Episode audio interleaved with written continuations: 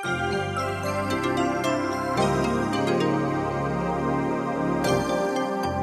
være eller ikke være i EU, det er spørsmålet i Storbritannia i dag. Mektige institusjoner mener det vil føre til økonomisk ragnarok. Ren skremselspropaganda, sier redaktøren i E24, som møter sjeføkonomen i Handelsbanken til debatt. Og det skal handle mye om brexit i Dagsnytt 18 i dag, men også om flerkoneri, som også forekommer i Norge. Unge muslimer må lese Koranen med nye øyne, slik de gjør i muslimske land, mener Vårt Lands sjefredaktør, for å ta et oppgjør med fenomenet. Men flerkoneri er ingen teologisk diskusjon, svarer tidligere leder av Islamsk råd. Og er homse et nedsettende skjellsord eller et festord?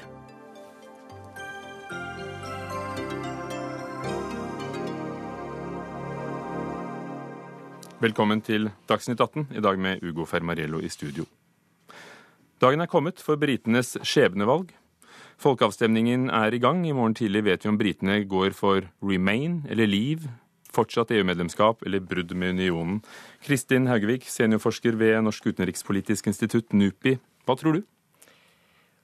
Ja, Det er jo et kjempegodt spørsmål. Eh, egentlig så er det jo ingen som helt vet. Eh, mitt beste tips vil vel være at de fortsatt blir værende, eh, men i dag så har det vært veldig jevnt på meningsmålingene. Eh, og egentlig too close to call, som man ville, ville sagt på engelsk. Men du har en begrunnelse for det? At du tror at de likevel kommer til å bli? Ja, altså dette har jo vært eh, stabilt nokså lenge. At, eh, at, det har vært en knapp, eh, knapp ledelse på, på, liv, på, på Remain unnskyld, lenge. Så det har det vært over lengre tid. Og så tror jeg nok at det er sånn, og som en del folkeavstemningseksperter også vil si, at, at, når alt kommer til alt, så, så vil mange av vet-ikke-velgerne sannsynligvis kunne falle ned på, på det trygge valget, nemlig å bli værende. Men så er det altså ganske mange, noen ganger så vidt over halvparten, som, som vil ut. Hvilke mm. saker har vært avgjørende for dem for å stemme nei? Altså Den veldig store saken egentlig på begge sider, som de argumenterer ut fra, det er jo spørsmål om suverenitet og spørsmål om identitet. Eh, og Når det gjelder suverenitet, så, så hevder jo da den eh, Liv-sida at, eh, at, det har blitt for mye kontroll, for mye lovgivning fra Brussel. Og det er for lite selvstyre for, for britene i mange, mange, spørsmål. Og De mener at man, man ønsker å ta kontrollen tilbake og gjenvinne kontrollen for de nasjonale parlamentene. Eh, mens på Remain-sida så snakker man jo om at kanskje Storbritannia som, som, land tross alt har det bedre i EU, og det er jo det de har forsøkt å, å, eh, å gjøre et argument for, nemlig at man er, man er 'stronger in Europe', som, eh, som denne kampanjen heter. Og De anfører jo ofte økonomiske argumenter. Det britiske industriforbundet, som vi skal høre mer om når vi snakker med økonomene, men de, men de hevder at det vil koste nærmere én million jobber innen 2020 og store tap for økonomien. Mm. Hva tror du blir de største konsekvensene av et eh, nei, hvis de går ut? Ja, altså Igjen så blir det veldig mye spådommer, og det er akkurat det at det er såpass uvisst. Eh, og det er veldig mange eksperter som har vært ute og sagt at dette kan få store økonomiske konsekvenser for Storbritannia. Ikke bare på kort sikt, som for så vidt eh, Liv-kampanjen har vært åpen for, men også på lengre sikt. Sånn at det, som er det store spørsmålet, er jo egentlig hvorvidt for det første disse spådommene er riktige, men også hvor stor grad det påvirker velgerne. Eh, fordi nettopp mange i Liv-kampanjen har, har, jo vært litt opptatt av at dette ekspertveldet ikke nødvendigvis vet best eh, hva som er best for britiske velgere. Espen Aas, vår mann i London. Du befinner deg ved landemerket Big Ben. Kan du gi noe kvalifisert gjetning på resultatet i kveld, du som har vært ute en hel dag i London? Vel, det er eh, høyt usikkert eh, hvordan dette kommer til å ende. Eh, det jeg har sett, i alle fall, er at det har vært mange som har vært eh, til stede ved stemmelokalene. Vi vet at det er rekordmange som har også forhåndsregistrert seg for å stemme, som du også må. Og jo høyere stemmeandel som kommer i løpet av kvelden og dagen totalt sett, jo flere tror man, i alle fall ekspertene sier det, fra de som vil bli værende i EU, kommer til eh, å stemme. Grunnen til det er at det ofte er eh, unge velgere som stemmer for EU, mens eldre velgerne er mer skeptiske. Og det har vært en massemobilisering av nettopp unge velgere i innspurten. Så mange registrerte seg etter hvert at de måtte forlenge fristen fordi dataserveren til myndighetene den krasjet. Vi hører Big Ben slå i bakgrunnen.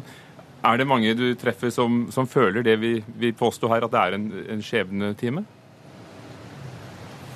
Både og. Noen er veldig opptatt av endelig så skal de få sagt sitt om EU. Endelig så skal de få sagt fra om at det som har plaget dem i mange år, eh, er noe de ikke Og der forsvant du.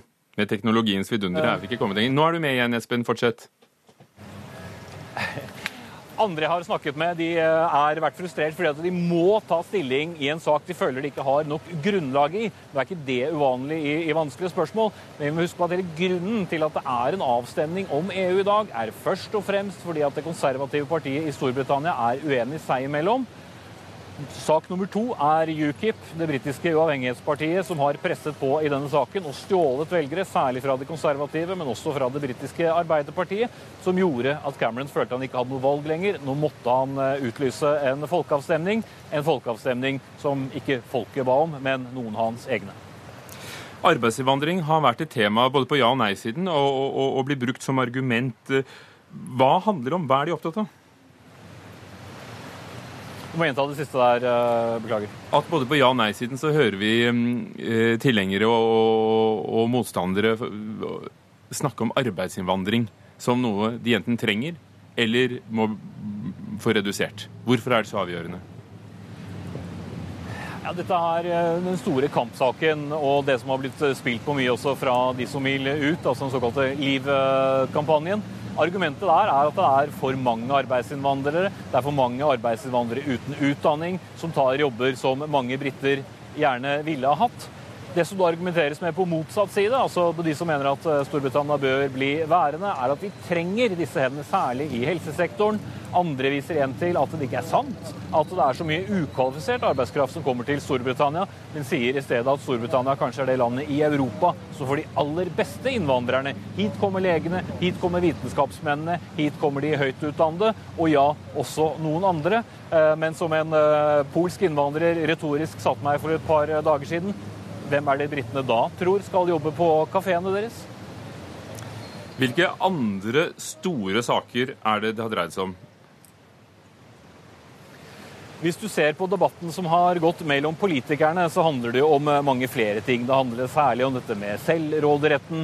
For fiskerne handler det om fiskekvoter som er eh, til irritasjon. Og for eh, de store selskapene, for finanssektoren, så handler jo dette om eh, marked, frihet til å handle i hvilke land og markeder en vil. For folk i gata så er dette for avansert eh, debatt. Det gjelder i hvert fall de aller fleste som jeg har snakket med gjennom de mange månedene jeg har holdt på med eh, denne saken. Der handler det om to ting. Det handler om innvandring, og det handler om økonomi. Noen tror at økonomien vil være langt bedre hvis de melder seg ut av EU, fordi de slipper å betale alle disse eh, årlige summene til unionen.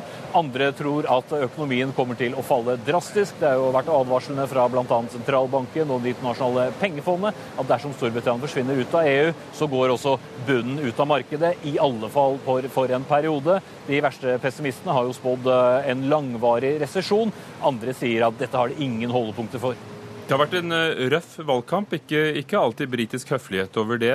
Hvem vil slite med dette i ettertid? Igjen så er det først og fremst eh, det konservative partiet. Uansett om Cameron vinner eller taper i morgen, eller eh, blir satt litt i en skvis, så kommer de til å bruke lang lang tid på å finne tilbake eh, til det gamle. Partiet er så delt. Venner er blitt til fiender. Samarbeidspartnere er blitt til konkurrenter.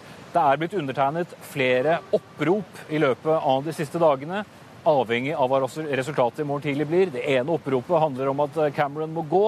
Det andre oppropet handler om at motstanderen hans skriver under på at de støtter ham hvis det er han som vinner. Og så spørs det om han kommer til å belønne sine motstandere eh, for å forsøke å reparere sårene. Eller om han kommer til å si til dem vet du hva, nå er nok nok, nå må dere sette dere på de bakerste benkene. Men de fleste regner med at Cameron kommer til å være mest opptatt av å samle partiet. Og når de da har landsmøte i slutten av september, så bør det partiet eh, være så styringsdyktig som mulig og være ferdig med interne feider. Takk, Espen Aas, vår mann i London ved Big Men. Kristin Haugevik, eh, til slutt. Eh, hvordan skal David Cameron ta det i morgen? Uansett. Ja, Det første, første, han må gjøre, er jo når resultatet foreligger tidlig i morgen tidlig, så må han komme med en uttalelse. Eh, og han må, han må, gi et slags råd eh, etterpå. Så regner jeg med at det kommer noen resultater eller noen uttalelser fra Brussel eh, og, og, fra andre medlemsland ganske raskt. Eh, og Deretter så, så, må man egentlig begynne prosessen eh, dersom det blir et, et flertall for å gå ut. Vil han kunne fortsette å være statsminister? Umiddelbart så vil han nok fortsette med det. Eh, fordi det er ingen eh, For å si det sånn, dersom han skulle erstattes av, noen, så må det jo nødvendigvis være noen som da i så fall har vært på den andre sida gjennom, gjennom, denne valgkampen. Eh, så foreløpig så tyder det meste på at han blir sittende i, det korte, korte, sikt, men at selvfølgelig vil det være veldig vanskelig for han å fortsette dersom resultatet blir at Storbritannia skal forlate. Takk skal du ha, Kristin Haugevik, seniorforsker ved NUPI. Dagsnytt 18 alle hverdager kl 18.00 på NRK P2 og NRK2.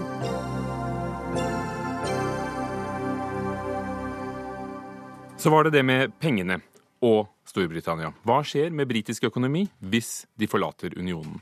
Økonominettstedet E24 mener at mange av påstandene som kommer er ren skremselspropaganda, og blant dem det britiske industriforbundet som hevder at en brexit vil gi et alvorlig sjokk for britisk økonomi. Det kan koste Storbritannia 1200 milliarder kroner og nesten 1 million jobber innen 2020. Også Finansdepartementet har anslått svært dårlige økonomiske kår i 16 år fremover. Og Per Valebrokk, redaktør i E24. Fakta eller skremsel? Nei, eh, fakta kan det jo ikke være, for dette er eh, anslag og prognoser. Eh, men er det skremselspropaganda? Det tror jeg det er.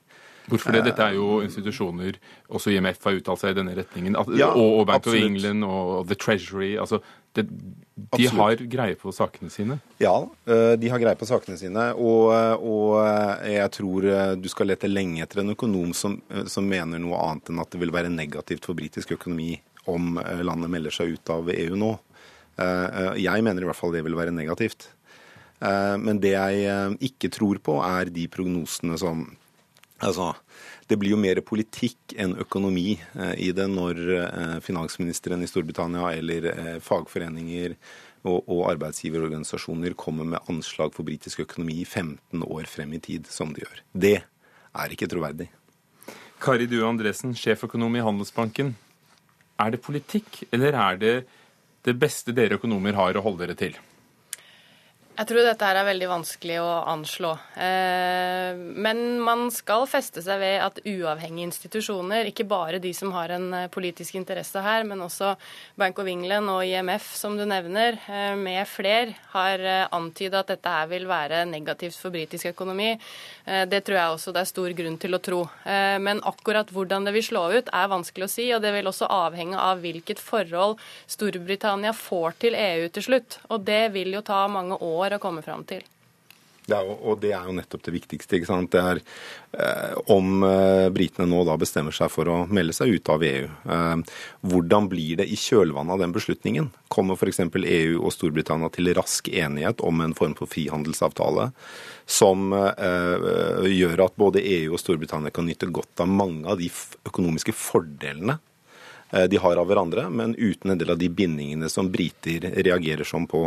Eh, eller eh, vil det tvære ut i tid? Kanskje til og med Storbritannia får en toll på 10% på bilproduksjonen sin osv. Det er klart at det vil jo ramme britisk økonomi på en helt annen måte. Og så spørs det jo hva tror man vil skje, og, og da blir det jo veldig mye gjetning. Det jeg tror vil skje, er at EU er viktig for Storbritannia, Storbritannia er viktig for EU og som uh, fornuftige mennesker, stort sett uh, i, i, hos, på begge parter, så vil de komme frem til en enighet.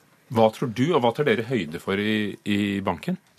Jeg tror, eh, eller Det som bekymrer meg mest her, hvis Storbritannia skulle gå ut, det altoverskyggende tror jeg vil være den frykten som oppstår for at dette er starten på slutten av EU, eh, sånn som vi kjenner det. Så frykten, altså psy ja. psykologien i det? Rett og slett at uh, usikkerhet i forhold til hva man nå kan vente, både for Storbritannia og for EU som union, bidrar til å legge en demper på konsum og investering, ikke bare i Storbritannia og EU, men potensielt også i Norge og verden over, egentlig, fordi man ikke vet om EU kommer til å fortsette å eksistere sånn som vi har kjent det fram til nå. For vi så jo oppfordringer om å ta opp lån for de bedriftene som trengte det før denne avstemningen. Hva har dere i banken gjort for å skal vi si, sikre dere? Det er snakk om at pundkursen kan rase? Ja, nei, vi har ikke, altså det, det, kan jeg ikke kommentere hva vi har gjort i forhold til det. Men sentralbank, alle sentralbankene sier jo at hvis vi skulle få en markedskollaps, så står de klare til å nø, yte nødlikviditet. Det gjelder også Norges Bank her. Eh, sånn at Hvis man skulle få en krise, så er sentralbankene klare. Jeg tror det er forholdsvis liten sannsynlighet for en markedskollaps, fordi dette her er noe alle har gått og vært redd for nå i lengre tid. Jeg tror det er mer sannsynlig at dette her blir en, en eh, greie som drar ut, og som gjør at man bare blir generelt litt mer usikker på hva som er i vente, og at det legger en demper på stemningen i husholdninger og bedrifter, og bidrar til å dempe konsum og investeringer. Frykten kan du jo ikke regne deg til. Per Valbrok? Nei, jeg er jo helt enig i det at jeg tror største, den største faren her er, um, er den, de utsiktene for at uh, først var det Storbritannia, så var det Nederland, så var det Sverige. ikke sant, At dette baller på seg, og at, og at flere land i EU uh, vurderer eller faktisk trekker seg ut av EU-samarbeidet eller euroen. Um, hvis så hvis skulle... EU som vi kjenner i dag, rakner det? Ja, altså Det blir jo fryktelig spekulativt, ikke sant. Og, og, og, det er jo enormt mange ting som vil skje fra uh, en eventuell brexit-beslutning og uh, i årene fremover. Men, uh, men, frykten for at det vil kunne skje, vil påvirke, markedene og sannsynligvis også økonomien ved store endringer i finansmarkedene. I dag rykket alle de store franske selskapene inn et åpent brev til britene i alle de britiske avisene hvor de oppfordret folk om å bli og sa dette, dette er så viktig for økonomien. Men, men hva hvis de, eh, de, ikke biter på eh, og, og stemmer eh, nei? Du sier at de lever i et vakuum, de som tror at de kan klare seg fint utenfor? Ja, fordi jeg tror at Hvis man skal argumentere for at dette her er positivt for Storbritannia, så må man anta at EU eh, e fortsetter å leve i beste velgående. Det jeg er redd for, er at hvis Storbritannia melder seg ut, så har du sterke strømninger både i Italia, Spania og Nederland, Tyskland også for den saks skyld, og andre land, som er anti-EU. Hvis Storbritannia skulle gå ut, så er jeg redd for at det er på en måte starten på slutten, som jeg sa. At flere land vil melde seg ut, og det tror jeg vil være veldig negativt for økonomiene i Europa, og da også i Storbritannia. Vi har hørt om at arbeidsinnvandringen, som i stor grad kommer fra Polen i Storbritannia, er eh, et av temaene i eh, valgkampen. Og Johanna Irtsabek, redaktør for det polske nettstedet Moja Norvegia, som betyr Mitt Norge på polsk. Det er det største sosiale medie- og nettstedet for polakker som er i Norge, eller, eller gjerne vil hit, med 300 000 brukere. Vi har det med fra Gdansk. Hva tenker polakker om den økende skepsisen mot arbeidsinnvandring? Hei. Um, ja, de er sikkert bekymret at uh, EU løses opp. Uh, at det er starten på slutten, som, uh, som dere har sagt. Hvis Britannia, Storbritannia melder seg ut. Og det har vært tilsvarende debatt om å begrense arbeidsinnvandringen fra EU og EØS, in inkludert fra Polen, i begge land, i Storbritannia og i Norge. Det, den debatten har tatt sted, plass. Og siden polakkene er den største innvandrergruppen både i Storbritannia og i Norge, så eh, blir de særlig utsatt for mulige innstramninger.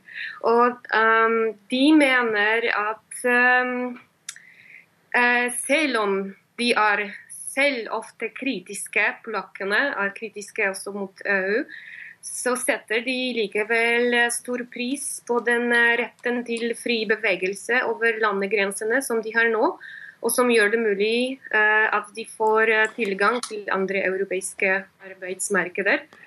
Og Hva blir konsekvensene da, for ja. også polske mennesker i Norge? Det uh, Særlig for de som har hentet sine familier til landet etter 2004 og de har kjøpt seg bolig og bil, de vil ikke reise tilbake. De vil, de vil bli i Norge. Og de er redde at den skepsisen som liksom smitter over til Norge. Og at Norge tar eksempelet av uh, Storbritannia og innfører uh, samme innstramningsløsninger som Storbritannia varsler om. Ja. ja. for Noe av det har dreid seg om en motstand mot uh, trygdeeksport, som det kalles, som har vært et tema både i Norge og Storbritannia. Um, tror du det vil komme flere polakker til, til Norge hvis Storbritannia lukker seg? Ja, det er mulig. Fordi de som, uh, de som uh, nå jobber i Storbritannia, hvis de vil måtte søke om arbeidstillatelse der for å forbli der, da vil de kanskje velge et annet europeisk land å søke jobb i. Og da blir Norge mest aktuelt, samt uh, Tyskland. Også de som, uh, som uh, bor nå, er nå i Polen og vurderer utvandring, hvis de bestemmer seg ikke å dra til Storbritannia pga. dette, da neste naturlige valg er Tyskland eller Norge. Og da blir det mer konkurranse om færre arbeidsplasser i Norge. Takk skal du ha, Johanne Irsabek, som også er redaktør på stedet, nettstedet Mitt Nøye, Norge, Moya Norvegia. Per Vallebrokk, hva blir konsekvensene for Norge, også hvis vi ser på arbeidsmarkedet, hvis Storbritannia sier nei? Nei, jeg mm, klarer ikke hoste opp en teori på det, eh, for å være helt ærlig. Fordi det er så mange om og men og hvis eh, i dette. Det er jo heller ikke sikkert at, eh, at de veldig mange polakkene som er i Storbritannia, må ut av landet. De de er jo ekstremt viktige for Storbritannia også. Eh, mange av dem gjør eh, helt nødvendige oppgaver som landet trenger. Så det er ikke gitt at en brexit betyr at den snaut eh, befolkningen på en snau på én million polakker må ut av landet. Ja, Det vi i hvert fall har observert tidligere, hvis dette her skulle få eh, negative konsekvenser også for norsk økonomi, hvis veksten i Norge skulle bli enda svakere, så vet vi jo at eh, lavere vekst i Norge det har tidligere bidratt til lavere arbeidstilstrømming, og at flere drar ut og at færre kommer. Det har vi faktisk allerede sett ganske mye av fram til nå. Så kanskje jo, på marginen det kommer noen flere som heller ville dratt til Storbritannia, men det vi har observert som den store trenden over de siste årene, er jo at arbeidsinnvandringen til Norge avtar. Og det skjer jo i disse dager også. Mm. Til slutt, hva tror dere resultatet blir av Stor Storbritannias eh, valg? Jeg tror de blir. Jeg håper de blir. Takk skal dere ha. Per Valbrokk, redaktør i E24, og Kari Due Andresen, sjeføkonom i Handelsbanken.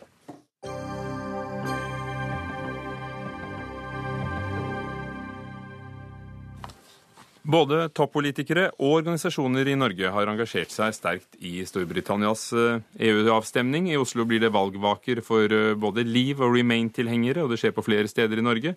Senterpartiets leder kom i ettermiddag til London for å følge avstemningen eh, der det hele skjer. Og Trygve Slagsvold Vedum, leder av Senterpartiet, du har møtt brexit-tilhengere i ettermiddag. Hvordan vil du beskrive stemningen? Nei, Spenningen her er veldig spent. Jeg tror utfallet er veldig åpent. Også jeg hadde møte med lederen i det som heter Labour Leave nå rett før jeg kom hit. og de er veldig spent og klarte ikke å spå, men jeg trodde det ble sånn ca. 50-50, og så vil natten vise. Så jeg tror mange som er politisk interesserte, får lite søvn i natt. Hva gjør deg så opprømt og, og engasjert at du dro til, til orkanens øye?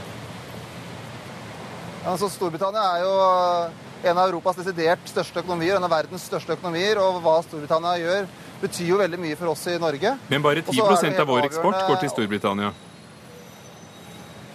Ja, men så er det jo utrolig viktig. Hvis Storbritannia nå velger å gå ut av EU, så vil jo det også skape en ny dynamikk når det gjelder EØS, vår relasjon til EU, og det vil kunne bli en ny debatt. Så det å være her, møte de ulike sidene og komme litt bak alle overskriftene. For det, debatten blir jo ofte framstilt veldig unyansert. Men her er det jo folk på Labour, det er det konservative, det er folk i alle kretser som har ulike syn. og Derfor er det ålreit også å være her og, og, diskutere med folk. og I morgen skal jeg også ha møte i parlamentet for å diskutere med en parlamentariker der.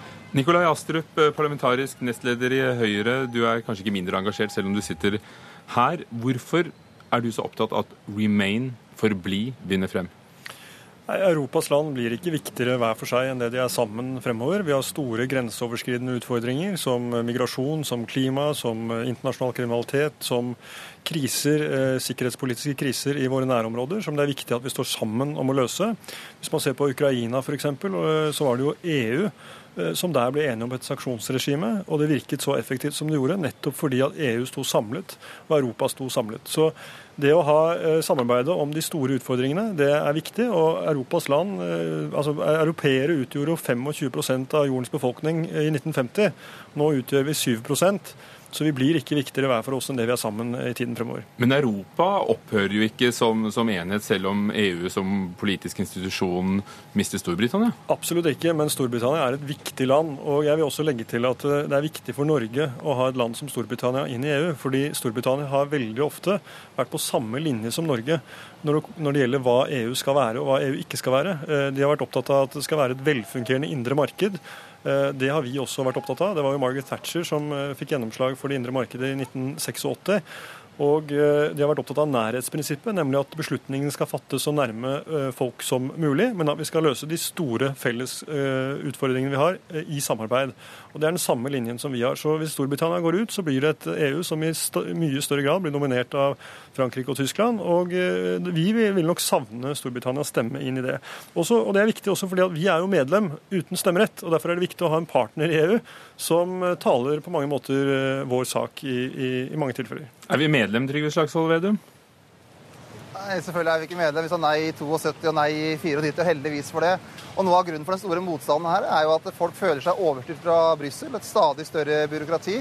Og ordet 'Europas forente stater' blir brukt hele tiden. Og det er det som gjør at det konservative partiet i Storbritannia som har vært så imot eh, den utviklinga i EU. Det er derfor det er så mange i Labour som er imot, at det blir mer og mer en føderal stat som folk ikke har noe forhold til. Så det er et sånn elitenes prosjekt som eh, har mindre og mindre folkelig forankring. Så alle de som er EU-tilhengere, bør også se på det her som en uh, sterk advarsel. At hvis man ikke tar folket på alvor, så kommer vi på flere den type avsendinger som vi nå har i Storbritannia, også i andre land. Nå, nå så EU jo... må stoppe opp, ikke gå i så føderal retning.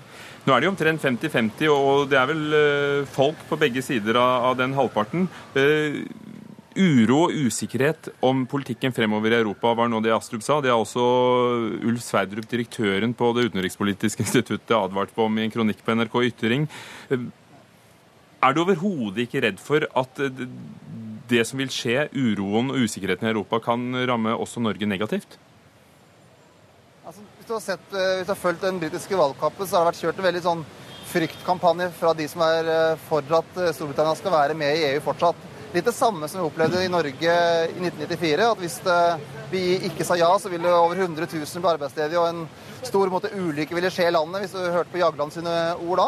Og så opplevde jo mange av de samme kreftene her i 2000 når man diskuterte å bli medlem i euroen. Det ble jo advart kraftfullt av landets ledende økonomer at det ville ramme Storbritannia veldig.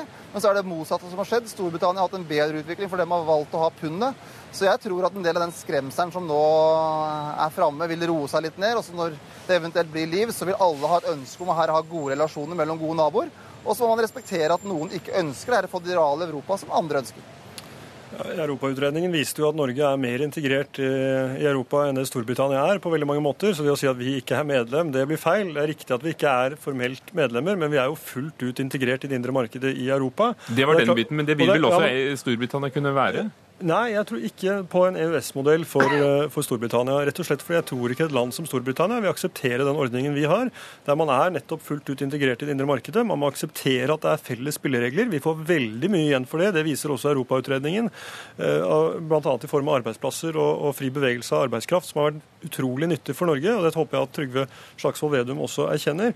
Men man får altså ingen medbestemmelse. og Jeg tror ikke et land som Storbritannia, vil, eh, som i dag synes at de har et demokratisk demokratisk underskudd mot EU, vil akseptere å få et enda større demokratisk underskudd mot EU, slik vi har i dag. Vi kan akseptere det, og jeg er jo imot det, men vi kan akseptere det fordi vi er et lite land som er helt avhengig av tilgang til det indre markedet i Europa.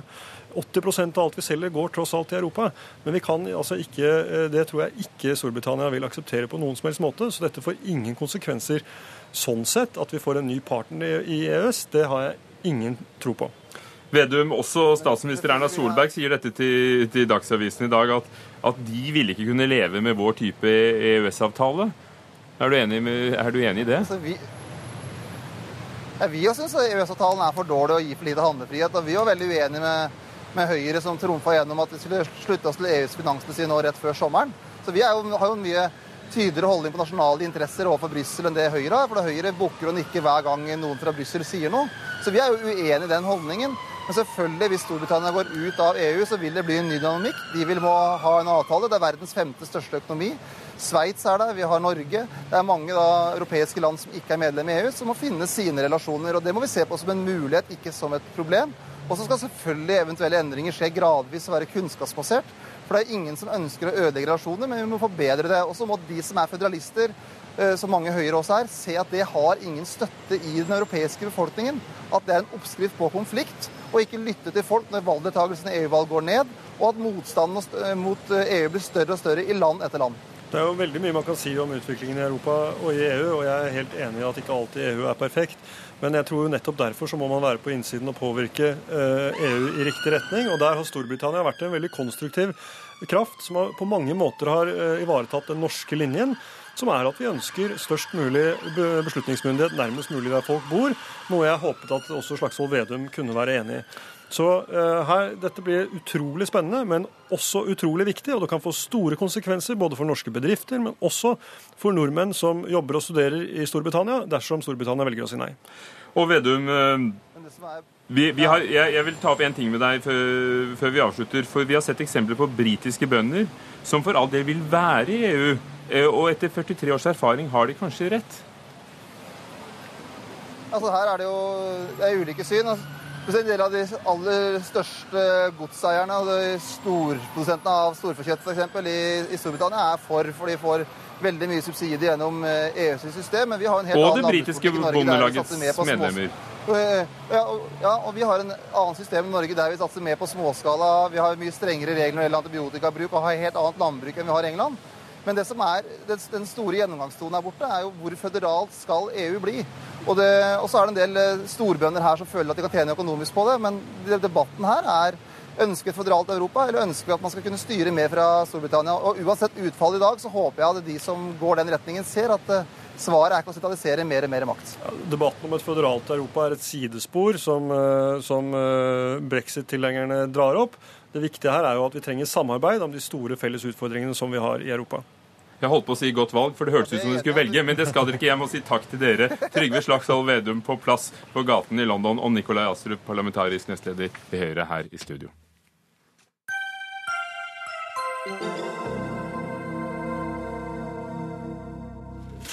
Og som vi hørte, bønder i Norge er stort sett sterkt imot EU. Derimot i Storbritannia vil eh, bøndene for all del fortsatt være en del av den. VG har skrevet om britiske bønder som kjemper for å forbli i unionen. Og vi skal møte både en talsmann for de britiske bøndene og en norsk bonde og talsmann også. Nå holder antageligvis eh, bønder i begge landene pusten i forhold til hva som blir utfallet av dagens avstemning. Terry Jones er generalsekretær i det britiske bondelaget, National Farmers Union. Terry Jones, Director General of the NFU, thank you for joining us. Good evening. Good evening. Mange nordmenn synes altså det er overraskende at britiske bønder vil være i EU. A lot of Norwegian farmers find it surprising that uh, British farmers mostly want to stay in the union. Why? Why do you prefer to stay? Well, there are a variety of views amongst British farmers, it would be fair to say. But as the leading voice or the, the leading uh, trade association, uh, the NFU, felt it was important to take a, a, position on behalf of our members. They, 69% of our members said that they wanted the organisation to state very clearly what our position should be. So, on the balance of the existing evidence available to us at present, uh, we decided that the interests of farmers are best served by our continuing membership of the European Union, and that was a decision really based on modelling work that we'd done with uh, Wageningen University in the Netherlands, looking at uh, what would happen under a variety of trade scenarios, and of course looking at what might happen to agricultural support were we to leave the European Union. Så de har altså um, medlemmer i begge leire, men 69% av medlemmene ønsket at uh, foreningen skulle ta et standpunkt. De fikk hjelp av et nederlandsk universitet, har undersøkt scenarioene og kommet til at anbefalingen fra det britiske bondelaget må være å bli i EU. Men spørsmålet er jo er alle medlemmene bak dem, om ikke alle, hvor mange? Do you know how many of your members back this position? Uh, the last time we polled our members, which was in the spring, uh, we were seeing uh, roughly 20% of our membership saying that uh, they would be uh, expecting to vote to leave the European Union, about 40% saying that they wanted to remain in the European Union, and about 40% were undecided. 20% ville stemme nei, 40% ville bli, og 20 var ikke sikre på hva de ville stemme, viste en undersøkelse de gjorde. Hva er hans forklaring på hvorfor norske og britiske bønder ser det så, så annerledes? What is your explanation why, why Norwegian farmers and, and British farmers see this so differently? Well, I think we've got two very different economies, two very different countries, two very different types of farming systems. I mean, the UK's uh, farming industry has um, done reasonably well uh, as part of the European Union. We've uh, been able to continue to receive agricultural support. Uh, we've taken advantage of the trade deals, uh, well, the, the, the, obviously the free trade area uh, within the European Union um, and the, uh, the, the access to the the free trade deal or the, the trade deals that have been done with the rest of the world. I think the question really, though, is for, for British farmers is to say, well, okay, we find ourselves within uh, the European Union. What are the risks? What are the uncertainties? Should we leave? And, and that really is the the question that everybody is trying to answer. And the debate has been um, quite opaque here. It's been very difficult to get to the bottom of uh, what, what might happen. Uh, we've had questions for both the Remain campaign and the Leave campaign to say, please tell us what, what would your plan be? What would be the certainties, uh, either around uh, uh our future in Europe uh, and around the reforms that we would expect to see, but also what would be, uh, for instance, our trading relationship? Would we find ourselves in a situation like Norway with high regulatory integration but low trade facilitation costs? Or might we find ourselves completely detached from the continent and be subject to World Trade Organization uh, tariffs and, and obviously high uh, um, yeah, high uh, transactional costs for doing business with the European Union. It, uh, I, am going to stop you for a little moment, Terry Jones, just to say a few words in Norwegian that, uh, of what you're saying. At det store spørsmålet er altså hva konsekvensen vil bli. Det er så usikkert, uh, sier han, uh, om man vil være i en situasjon som Norge med en høy integrering, eller stå helt på utsiden med, med uh, store handelsbarrierer. For hittil, sier han, så har britiske bønder gjennom disse 43 årene nytt godt av, det europeiske markedet og lykkes i å eksportere. Uh, but Terry Jones, uh, you know many farmers. What do they say to this question? What you, how would their farmers, farms be affected?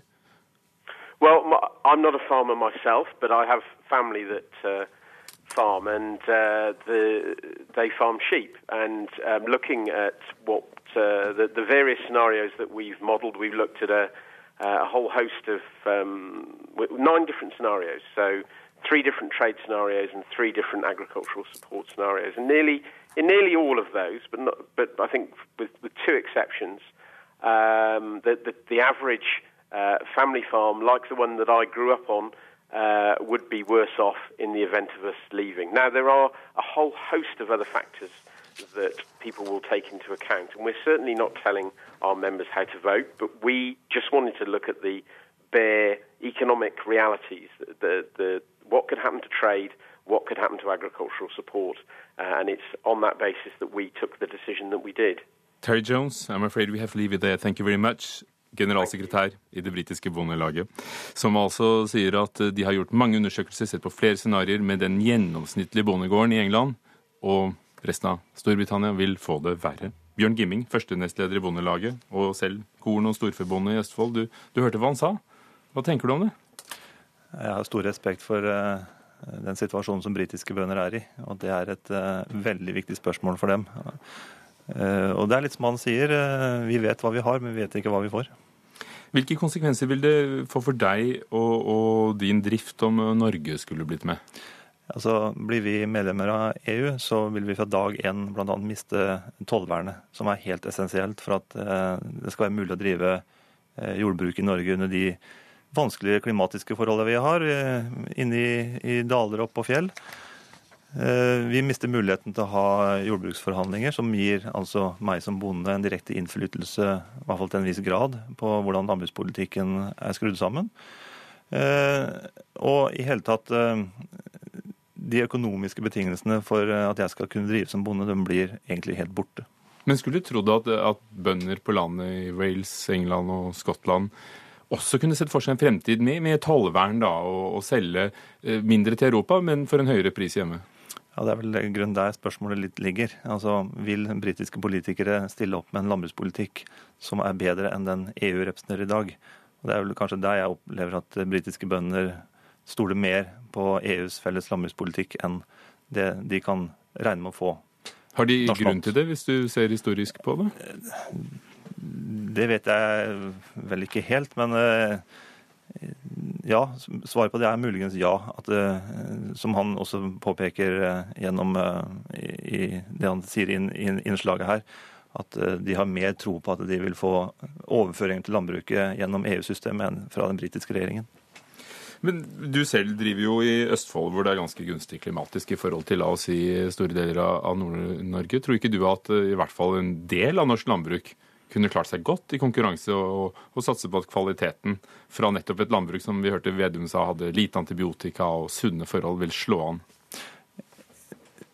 Selv om jeg kommer fra et område med ganske gode betingelser, så, så er det faktisk langt unna de betingelsene eller, og den klimatiske forholdene som, som de viktigste jordbruksområdene i, i, Europa har. Eh, og jeg har ingen mulighet selv i Østfold til å klare meg i en konkurranse med med type eh, dobbelt så store avlinger i Storbritannia som det jeg kan eh, håpe å oppnå.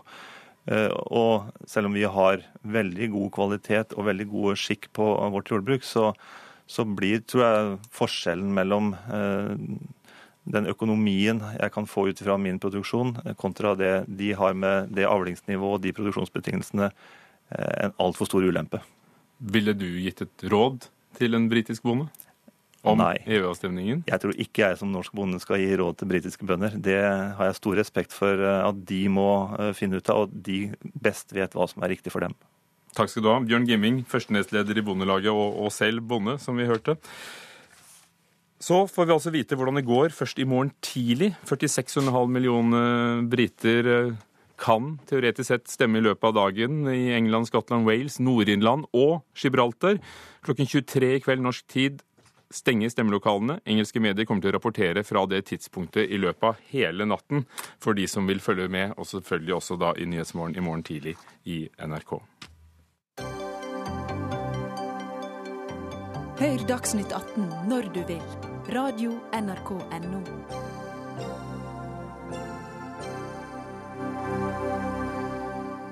I løpet av mediedekningen av angrepene mot eh, nattklubben i Orlando i USA, tragedien der nylig, ble ordene homse og homseklubb brukt flittig. Er homse en nøytral betegnelse på en manns legning, eller er det et nedsettende skjellsord? Debatten har gått ganske friskt i sosiale medier, og en av dem som mener at avisene og andre redaksjoner har opptrådt respektløst, er Arnfinn Nordbø, tidligere styremedlem i, i, det som da het Landsforeningen for lesbiske og homofile, nå FRI, og, og selv også forfatter av en bok om, om, det å komme ut. Eh, Arnfinn Nordbø, du har på Facebook og Twitter bedt visse aviser om å endre praksis. Hvorfor? Nei, altså det handler om flere ting. Det handler om eh, For det første så kjenner jeg ingen homofile som kaller seg sjøl for homsa. Jeg er homser ifra Randaberg. Du skal få møte en snart. Ja, ja, det Jeg kjenner iallfall ingen. Eh, og så at jeg skal på homseklubb i morgen. Og så handler det òg om at det, det, har nettopp blitt drept 49 mennesker på grunn av sin legning. Og da syns jeg det blir litt useriøst og litt lettvint at media skal bruke uttrykket homse. Det er 49 homser er skutt. 49 eh, homse, ble drept på en homseklubb. Det er et ord som ikke tar seg godt ut, særlig pga. at det tradisjonelt alltid er blitt brukt som et, eh, skjellsord, et mobbeord. Og jeg mener at, skal, at media bør være litt varsomme med å legitimere bruken av, av sånne ord. Uh, og særlig i den konteksten vi var i der rundt uh, Orlando, med folk som har blitt drept nettopp pga. sin legning. Mens jeg hører senest som i går på Gardermoen, når jeg satt der, så hører jeg en gjeng menn som sitter og snakker om at ja, denne homsegjengen og sant, altså på en nedlatende måte. Det er sånn jeg er vant med å høre det ordet siden jeg er liten. og og jeg reagerer på at media skal være med å legitimere den bruken videre. Jeg syns man bør være varsom med det. Og når det gjelder hvem som mistet livet i tragedien, tragedien så er det også feil, for det var jo veldig mange andre. Men, men du mener også ellers, altså? Som en generell betegnelse på en homofil mann? Ja, det er altså klart, homse er òg, som du sier, det er et hannkjønn. Så det er klart det er òg et aspekt. Det var ikke bare homofile menn som ble drept. Så homofil er jo òg et kjønnsnøytralt uttrykk, så sånn sett er det òg mer korrekt i den forstand. Men jeg òg mener at ordet homse uavhengig er et nedlatende ord som som eh, jeg syns man bør bruke, iallfall i media, et mer respektfullt ord og nøytralt ord som eh, homofil. Kjell Erik Øie, hva er du? Homse eller homofil? Nei, jeg, jeg foretrekker å bli kalt homse. Det er et ord som gjør meg stolt. Det er et ord som uh, viser til mangfold, til glede. Uh, det er et ord jeg har brukt om meg sjøl i veldig mange år. og jeg tror nok at Det er mulig jeg og Arnfinn vanker i litt ulike miljø, men jeg tror nok at det er feil at ikke homofile menn for å bruke det uttrykket da, bruker ordet homse om seg sjøl, at vi skal på homseklubber. Uh, jeg tror også at det er litt historieløst å si at dette bare er et skjellsord. Jeg tror Opprinnelsen til ordet er litt uklar. Det kan godt være at dette ordet faktisk først og fremst kom fra homofile miljø. Det var homser og lesber sjøl som eh, tok i bruk dette ordet. Og når det gjelder ordet, ordet homofil, så kjenner jo jeg at jeg liker ikke det. Eh, jeg syns det er et klinisk ord. Norge er det eneste eh, landet hvor homobevegelsen liksom har tatt i bruk det året. Det et, eh, for meg minner det om en diagnose så vet jo jeg at ordet det, det var det jo også, faktisk. Ja, det var faktisk en diagnose en gang i tida. Men homobevegelsen Norge har nå tatt det til seg og brukt det politisk. Så vet jo jeg at en del som har negative assosiasjoner til ordet homse. Eh, mora mi og jeg blir aldri enige om, om, det, om det ordet homse er greit eller ikke. Men jeg tror poenget er hva eh, avsenderen egentlig legger i ordet. Jeg tror at uh, Du finner selvfølgelig mange som sier 'jævla homse', men du finner også veldig mange som sier 'jævla homo'. Og Ordet 'homo' er også et helt greit ord. Så jeg tror det blir feil å fokusere på begrepet. Jeg tror det handler om de holdningene som ligger bak. og jeg tror i hvert fall når det gjelder eh, den tragedien som har skjedd i Orlando, så er det så mye annet vi bør fokusere på av det som har skjedd i ettertid. Og noe av det mest positive er jo den enorme støtta vi har fått fra media, eh, hvor media ikke minst har pekt på at dette er et helt spesielt eh, angrep eh, retta mot homsa og til dels også lesber. Det syns jeg er et mye viktigere aspekt i den saken. Det at Knut Arild Hareide nå skal gå i homotog for første gang, syns jeg er rørende. Og det syns jeg for meg er mye, en mye viktigere debatt i kjølvannet av Orlando enn Eh, å fokusere på enn en ordet homse. Jeg lever godt med ordet homse. Noen sier, har nå begynt å si skeiv. Eh, det er for meg litt fremmed, men gjerne for meg. Men, men, ordet homse er en del av identiteten min, og jeg trives godt med det. Og i, til, og i, tillegg til homse så vil jeg bare legge til at Kjell Erik Øie altså er tidligere statssekretær, Ap-politiker, talsmann for homofiles rettigheter og, og, for tiden generalsekretær i Plan Norge.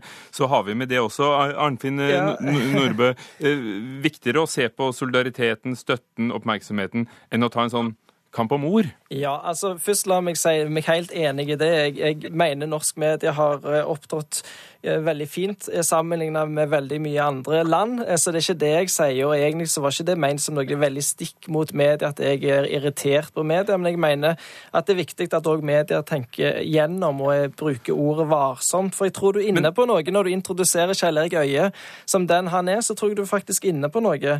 Han er, bor i Oslo, han vanker i kulturell, intellektuell si, miljø, han har masse homofile venner politikere er høyt utdanna. Og så blir det ofte i den bobla så glemmer vi Han har vært åpen homofil òg i mange år, mange, mange år, og vært aktiv i homobevegelsen. Eh, og da blir det ofte ei boble at man går seg litt blind og glemmer ut at det er et Norge utenfor der, der eh, homse blir brukt som et skjellsord på idretten, i religiøse miljø, ute på bygdene. Kanskje det er en ung homofil som sliter med å akseptere seg sjøl.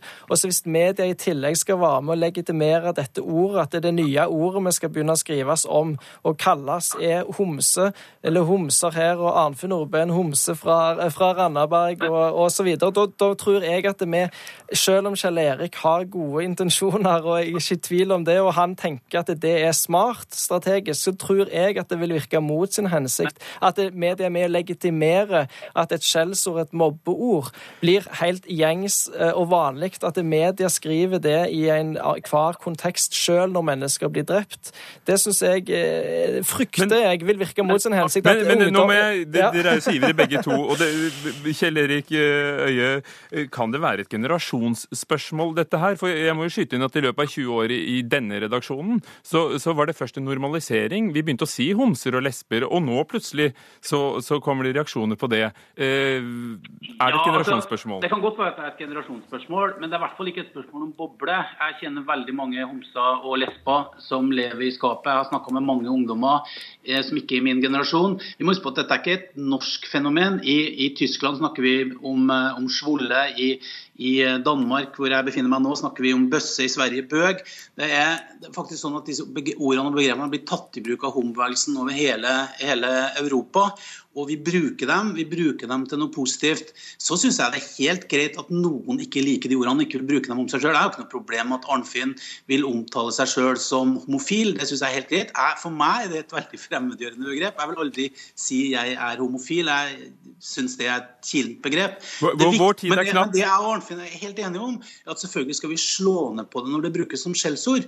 Og det er jo kanskje noe av utfordringa med ordet. For det er jo et ord som, og det er Arnfinn helt rett i, som både brukes negativt og positivt. Jeg må slå, jeg, jeg, slå ned på det når det brukes negativt, men, det som, men ikke Men det, for eksempel faggot. Det, I England så sier de, eh, sier de ikke faggot. Vi sier ikke neger eller nigger. Altså Media går foran, selv om det er noen som ikke mener negativt å si neger. Sist, så sier de så sier vi er varsomme med at media går ikke foran uh, og bruker de ordene nettopp fordi man ikke vil legitimere sånn rasistisk Her har vi altså en debattant i Danmark og en i Trondheim. Jeg må si takk til dere begge for at dere var med her i Dagsnytt 18. Siste lille replikk til deg. Jeg vil gjerne ha svar fra deg, Arnfinn Nordbø. Kan det være et generasjonsspørsmål?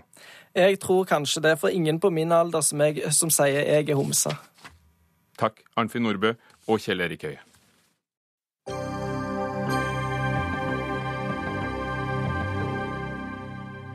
Det foregår en diskusjon om flerkoneri i mange muslimske land. Selvstendige kvinner vil ikke dele en mann med andre. Det skrev sjefredaktøren i Vårt Land. Avisen har satt søkelys på flerkoneri i Norge gjennom flere artikler. I Norge og andre land. Det grunnleggende oppgjøret må finne sted i lesningen av Koranen og i den teologiske debatten, skrev redaktøren der. Shoaib Sultan, aller først, tidligere generalsekretær i Islamsk råd, politiker i bystyret i Oslo for Miljøpartiet De Grønne. Flerkoneri er ingen teologisk diskusjon, sier du på forsiden av Vårt Land denne uken. Hvorfor er det ikke det?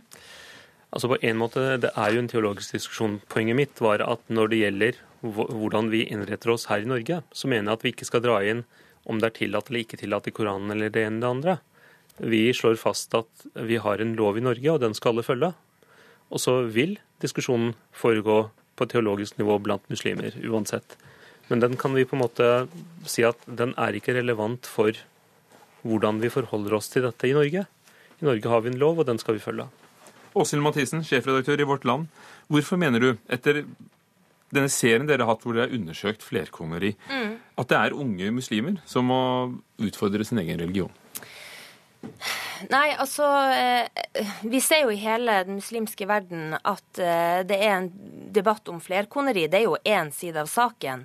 Men det er jo også toneangivende muslimske feminister og muslimske lærde som sier at med alt som skjer med IS, med Orlando, eh, det at man på en måte Noen sier at dette skjer i islams navn, og man må gjøre på en måte et opprør mot det, betyr jo at det er en, allerede en diskusjon om islam og om Koranen. og det, det åpner et rom, da.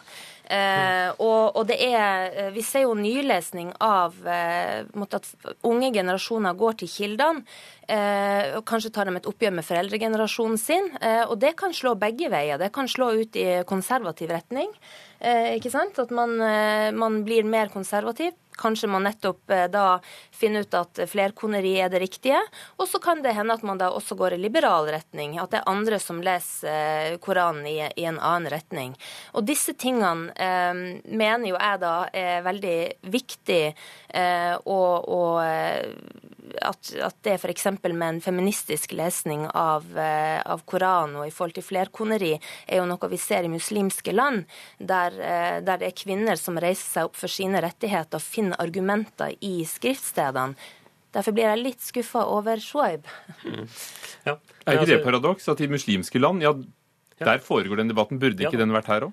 Jo, altså du kan si på en måte er jeg jo enig. Den debatten er der. Men poenget mitt er på en måte at uh, altså hva, hva, musli, hva jeg mener, eller hva andre muslimer mener om fenomenet flerkoneri, er én sak. Hvordan vi skal forholde oss til det som en stat, som et land her, uh, altså hvordan Norge skal forholde seg til det, er noe helt annet. Vi har en lov her, og det, det skal på en måte være nok. Men la oss snakke litt om hva vi skal forholde oss til, for dere har satt søkelys på dette i vårt Ja, land. Hvor stort er fenomenet flerkoneri? Hva, hva består det? Vi vet ikke, men, men både på en måte myndigheter, altså det er ø, offentlige etater og, og innvandrermiljøer, kildene våre sier at dette, er, dette skjer. Det er, øk, det er økende fenomen, det er økende fenomen med økt innvandring. Eh, og så vil ikke forskerne heller på en måte gå ut med å si hvilke eksplisitte miljøer dette skjer i, eh, men vi har gode kilder på at dette er noe som eh, er et økende problem. Og så må jeg bare få lov å si at jeg respekterer Shoaib Sultan som samfunnsdebatt og skribent. Veldig stor sjans for han. Men jeg ble så skuffa når du på en måte eh, Først så, så sier du til oss at eh, flerkoneri på den ene siden, på den andre siden Koranen kan leses på mange måter, eh, og at måtte, eh, du ikke tar stilling. Eh, og så neste gang vi snakker med deg, så sier du at, eh, at, at Koranen ikke åpner for flerkoneri. Det er helt greit. Det er helt greit at du endrer mening på noen dager. Ja, men det er helt greit. Ja. Men det som provoserer meg, er at du da sier at, vi, eh, at vi, vi snakker for mye om teologi. Det som skjer hos deg, er jo da en teologisk modning. Og jeg forstår at du står i et spenn, og det er helt greit. Og så er det det at når du da sier at, at eh, du Altså først så sier du på en måte at det er helt greit at man lever på den måten så lenge man ikke er i konflikt med norsk lov. Eh, og, og, og så forstår du heldigvis neste gang vi snakker med deg, at det er noen damer som opplever sine eh, religiøse ekteskap som forpliktende. Nei, ikke oppleve. De er utsatt for et enormt press, og det må du vite. Og du må anerkjenne at de trenger å gå til kildene eh, for å finne argumenter mot dette fenomenet. Ja. Eh, For å begynne på den ene enden. eh, Jeg har hele tiden sagt at min teologiske forståelse er at det ikke åpner opp. Men jeg vet at det finnes andre som Du var mener ikke at så det er. klar på det Jo, jo, første gangen var jeg også klar på det. det jeg ikke... Nå er du klar på det. Ja, ja, men det var jeg klar på første gang også.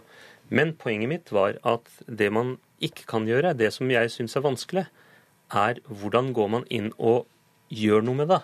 Og poenget mitt var i begynnelsen at jeg, jeg ser ikke helt at man kan ta tak i det. øh, og, og derfor var jeg litt usikker på om staten i det hele tatt skal ta tak i det. Så har jeg blitt øh, snakket med mange som er i den situasjonen, som sier at du, for oss hadde det vært veldig, veldig bra om man hadde en lov på dette. Og da kan du med loven i hånd på en måte kreve dine rettigheter. Hvis det er en mann som da har giftet seg med flere, så kan man sørge for at det blir en sak mot vedkommende. Men For den norske stat så har ingen mann eller kvinne giftet seg med flere. For vi har ikke eh, vi har ekteskap med flere i, For- for- i Norge. Jo, vi har jo en lovgivning. Det er lov til å gifte seg med et annet Ja. menneske av Men, gangen. men, men det som er poenget her, er at du har mennesker som da gifter seg uten at det registreres, uten at den norske stat anser dem som gift, mens de selv opplever seg som forpliktende gift. Ikke sant? Og, men loven er tydeligvis da ikke nok hvis dette er et reelt problem og kvinner føler seg fa fanget i denne situasjonen. Ja. Og nettopp derfor altså og da er vel det en teologisk debatt det som skal til for å forandre den holdningen? Nei, vi må ha en lov på dette. Og så kan vi for all del også ha en teologisk debatt. Poenget mitt er ikke at vi ikke skal ha en teologisk debatt. Poenget mitt er at den teologiske debatten kan muslimene få drive på med. Men, men det som er viktig fra det norske samfunnets side, er at vi har en lovgivning på dette. Men er ikke du muslim, da? Jo, absolutt. Hvorfor driver med det, da? Debatten? Ja, altså, jeg, jeg, jeg driver jo med det hele tiden. Men, men poenget mitt er du kan på en måte ikke si at eh, du kan ikke si at uh, dette skal ikke være lov fordi Koranen ikke åpner for det. Det er ikke det som er poenget i Norge. Åshild Mathisen, loven er lik for alle. Vi trenger egentlig et nytt lovverk hvis det er et problem og ikke en teologisk, teologisk forandring. Altså Myndighetene ser jo på, De har jo snakka med, med, med, med Listhaug, ikke sant, som vil på en måte sette inn mange kluter for at vi skal avdekke dette. Men det er vanskelig når det er sånn at vi snakker om religiøse ekteskap. Eh, altså Vi kan fange opp en del ting ved å se nøyere på familiegjenforening. Vi kan se på hvordan mange bruker Nav. For det ironiske her er jo at flerkoneri er jo veldig dyrt, for man skal jo faktisk behandle disse konene likt. Men når, når det blir finansiert av Nav, så er liksom det en, en, en mulighet. Da er det jo trygdesvindel. Ja, det er det. Og det- men, det sa jeg også i begynnelsen, det det jeg vil at du skal anerkjenne, er behovet for en nylesning av Koranen og disse gruppene og disse kvinnene som har det behovet. Sluttreplikk til deg, Shoaib Sultan. Og jeg er ikke helt uenig, skjønner du. Men Ikke det- det- helt det- uenig. Ja, jeg er ikke uenig. Men helt enig blir det ikke i løpet av denne Dagsnytt 18. Takk Ikke så enkelt i hvert fall. Tusen hjertelig. Sultan, Åshild Mathisen. Dagsnytt 18 var ved Ida Tune Øresland, produsent, Ugo Fermarello, programleder, og Erik Sandbråten, teknisk ansvarlig. Takk for i dag.